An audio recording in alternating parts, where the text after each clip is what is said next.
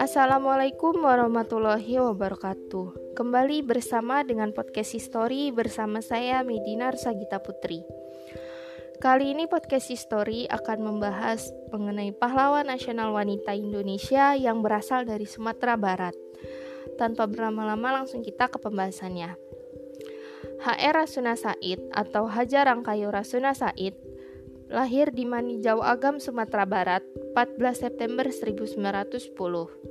Beliau adalah seorang pahlawan wanita dari Sumatera Barat yang memperjuangkan hak kesamaan kaum wanita. Ayah beliau bernama Muhammad Said, seorang saudagar Minangkabau yang dulunya juga merupakan seorang aktivis pergerakan. Setelah selesai pendidikan dasar, beliau dikirim oleh ayah beliau untuk melanjutkan pendidikan di, di pesantren Ar-Rasyidiyah dan uniknya beliau merupakan satu-satunya murid perempuan. Beliau dikenal sebagai sosok yang cerdas, pandai, dan pemberani. Beliau kemudian melanjutkan pendidikan ke Sekolah Dinia Putri Padang Panjang dan bertemu dengan Ibu Rahma El Yunusia.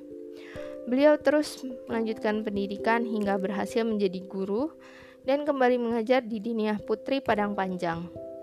Namun, pada tahun 1930, beliau berhenti mengajar karena berpandangan bahwa kemajuan kaum wanita tidak hanya datang dari dunia pendidikan, namun juga harus disertai peran dalam dunia perpolitikan. HR Rasuna Said hendak memasukkan pendidikan politik ke dalam skol kurikulum sekolah dinia putri namun ditolak. Nah, kontroversi poligami yang sempat terjadi pada tahun 1930-an cukup menuai polemik sehingga mengakibatkan angka kawin cerai meningkat pada saat itu. Beliau menganggap bahwa itu adalah bentuk pelecehan terhadap kaum wanita. Aktivitas politik HR Rasuna Said dimulai saat beliau berkiprah di Sarekat Rakyat sebagai sekretaris cabang. Lalu beliau bergabung dengan Sumatera Tawalib dan mendirikan Persatuan Muslim Indonesia atau PERMI di Bukit Tinggi pada 1930-an. Beliau juga sempat mengajar di sekolah yang didirikan PERMI. Lalu, beliau juga ikut mendirikan sekolah tawalib di Padang serta memimpin khusus putri dan normal kursus di Bukit Tinggi. HR Rasuna Said terkenal sebagai wanita yang ahli dalam berpidato dan tercatat sebagai wanita pertama yang terkena hukum Spiegdelih atau hukum kolonial Belanda yang menyatakan bahwa siapa pun dapat dihukum karena berbicara menentang Belanda. 1932, beliau sempat tertangkap bersama teman seperjuangan beliau di Semarang. Setelah keluar, beliau melanjutkan pendidikannya di Islamic College, pimpinan Kiai Haji Muhtar Yahya dan Dr. Kusuma Atmaja.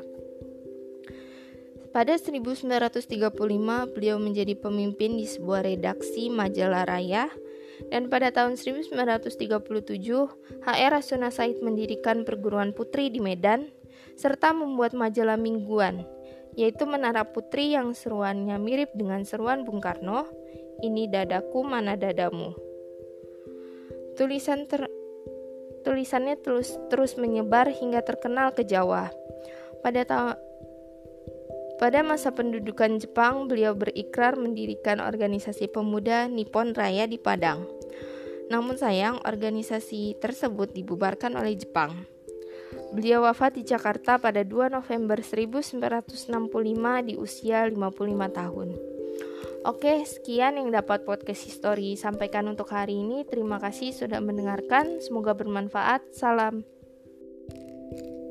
thank you